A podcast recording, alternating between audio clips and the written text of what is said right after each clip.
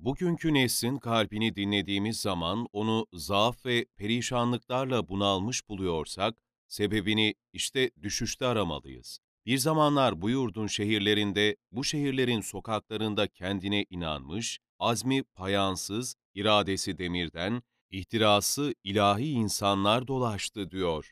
Üstad Nurettin Topçu, Tohum Dergisi, sayı 4, Mevlana başlıklı yazısında. Kıymetli dinleyenler, bugün Üstad Nurettin Topçu'nun Tohum dergisi sayı 4'te kaleme aldığı Mevlana başlıklı yazısını sizler için seslendiriyoruz. Fertleri zaruri olarak hayatın materyalizmine sürükleyen içtimai pozitivizm, bizde hayranlık halesiyle muhat olarak nesillere sunuldu. Hayatımızda bir yenilik, bir kurtarıcılıkla cemiyetimize saldıran bu bedbaht telakki, yaratıcılıktan ve ferdi iradeden, ruhtan ve mutlak inancından, Allah'tan ruhlarımızı kopararak varlığımızı felce uğrattı. Neye uğradığımızı bilmedik ve bilmiyoruz. Dürkheim, sinsi emelinde Avrupa'dan ziyade bize muvaffak oldu. Mevlana'nın ferdiyetçi ruhçuluğundan ruhun hayatını Allah'a arayan panteist dogmatizminden Durkheim'ın cemiyetçi pozitivizmine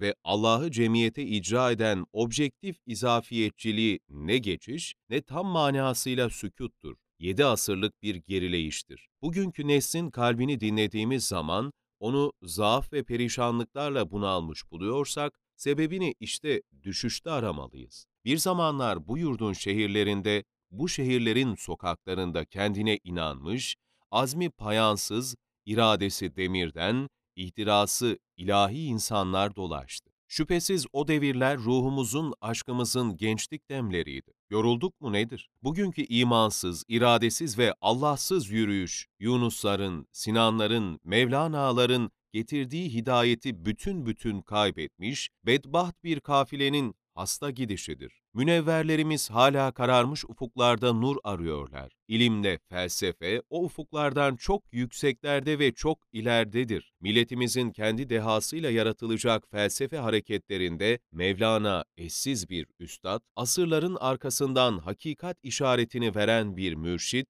bir önder olurdu. Onu sadece tarihi bir hatıra halinde anmak da yine onun sayıp döktüğü sefaletlerimizden biri olsa gerekir. Felsefi ile ahlakı üzerinde birkaç kelime söylediğimiz Behli bu Türk dahisinin, dehasının kaynağını nerede aramalıyız? Onda hikmet var, ahlak var, din var, sanat var. Bunların hangisi Mevlana'nın ruhunda yanan volkanın mihrakıdır? Bazıları onu sanatkar olarak, bazıları da dindarlarla eğlenen biri diye bazen de hikmet adamı halinde tetkik etmektedirler. Hakikat şu ki Mevlana şahsiyetinin hangi cephesiyle anılırsa anılsın, o bir din adamıdır. Dindardır, bir İslam velisidir ve onun şahsiyetinin indifa merkezi ilahi ve İslami aşk ve imandır. Din dışı yaşayan bazıları Mevlana'yı müesserlerle dinle mücadele halinde gördüklerinden bir din aleyhtarıymış gibi benimsiyorlar. Onlar büyük velinin bir Allah yolcusu olduğunu anlamayarak onu bir şaman rahibi gibi saz çalıp oynayan bir sihirbaz sanmaktan haz duyuyorlar. Feci şekilde kendilerini aldatan ve dinsiz varlıklarının Mevlana ile zerre kadar alakası bulunmayan bu adamlar bilmelidirler ki şamanın raksıyla Mevlana'nın semağı arasında hiçbir münasebet yoktur ve hayatının başından sonuna kadar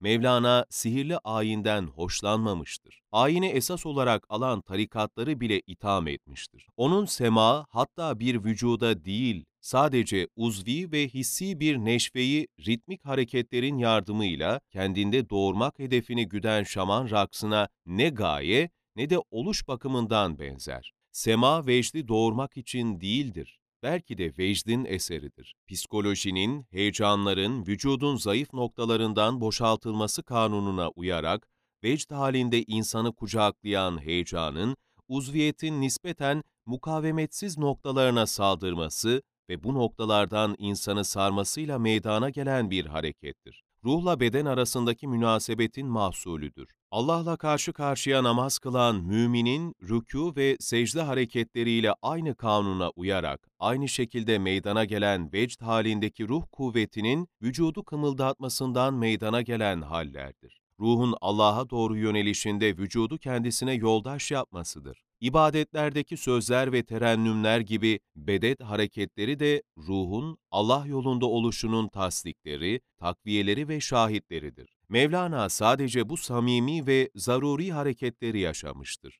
Mevleviliği, adab ve erkanıyla bir ayin sistemi haline koyan Mevlana değil, Sultan Veled'dir. Bütün estetik, adab bu tarikati bir içtimai doktrin halinde asırlar içerisinde muhafazaya yaradı. Ancak onun içerisinde gizlenen ruh, Mevlana'nın sanatçılık estetizme kalıbı içerisinde örtülü kaldığı unutulmamalıdır. Sanatçılık din için daima tehlikelidir. Mevlana'da bu tehlikenin hepsinden ziyade barındığını görmekteyiz. Zira onun eseri harikulade güzeldir. Mevlana Şems-i Tebrizi'yi tanımadan önce kendini sanata, şiire vermişti. Şems-i Tebrizi'yi tanıdıktan sonra uyandı, şiirin ve sanatın hiçliğini anladı, kalemini kırdı. Utarit var defteri yare bidem, zeberdesti ediban münişestem, cu didem luhi pişani saki, şürem mecnun kalem hara şikestem, diyor ki,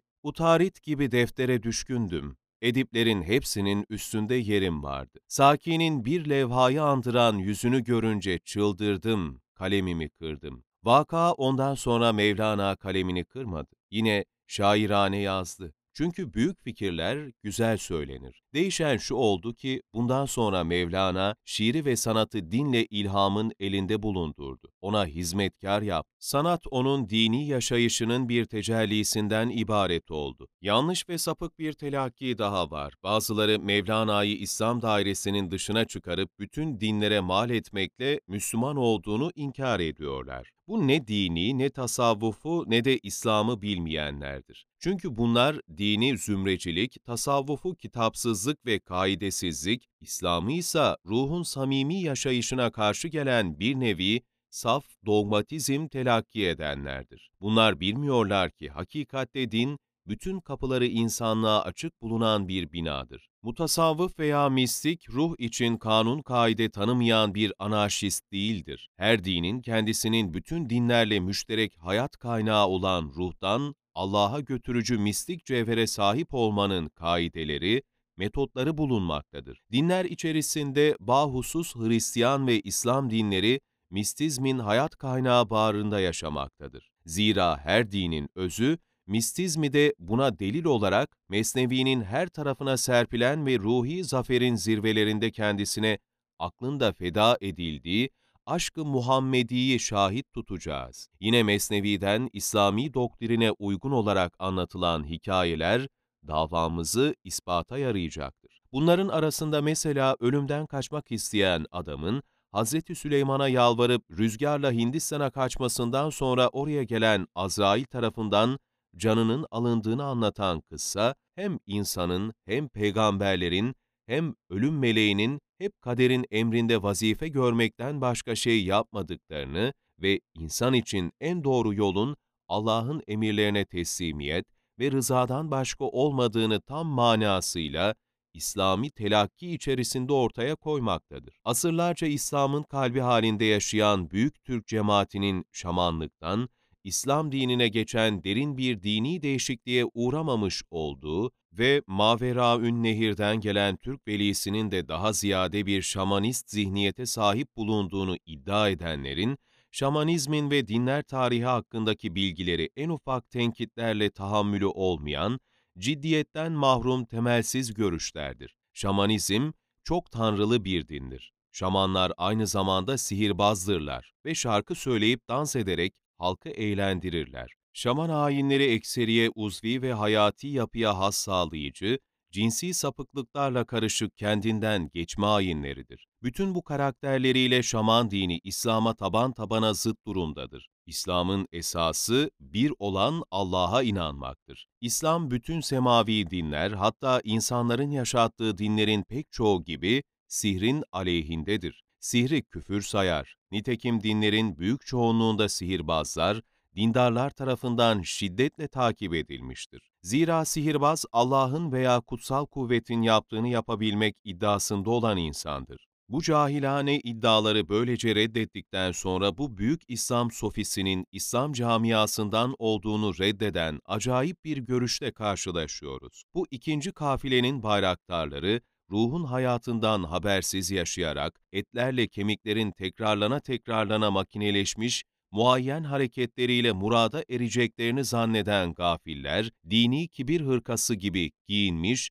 cennet tüccarlarıdır. Bunların zanlı, Tanrı katında dindarlık sadece itaattir. Bunların Allah'la alışverişleri de sayıyla ve hesapladır. İbadetlerini sayıp ölçerek yaparlar. Sevaplarını tartarak alırlar. Mevlana bunlar ne yapsın? Nasıl bunlardan olsun? Camileri doldurup cennet yolculuğuna çıkan bu gafiller, giyindikleri kibirden libasla ahlakı bozucu olurlar. Aşka düşman olup gönülleri viran ederler. Ruhundaki huzura şiddetle düşman olan bu mürailerle mücadeleden Mevlana geri durmadı. Mescitlerle minareler yıkılmadıkça bu dinin kurtarılamayacağını söylerken bu sahtekarların ibadetlerindeki riyaya ve bundan doğacak tehlikelere işaret ediyordu. Kaideden önce dinin yol açılmadan önce hedefin varlığına inanmayan duygusuz zahitten nefret ediyor. Allah yerine kendisine muayyen vaatlerde bulunan ve kendi benzerlikleri olan bir varlığı ikame etmiş, insan olan alacaklı varlığının karşısında borçlu bir uluhiyeti tanımış insanın dindarlığından bir şey anlamıyor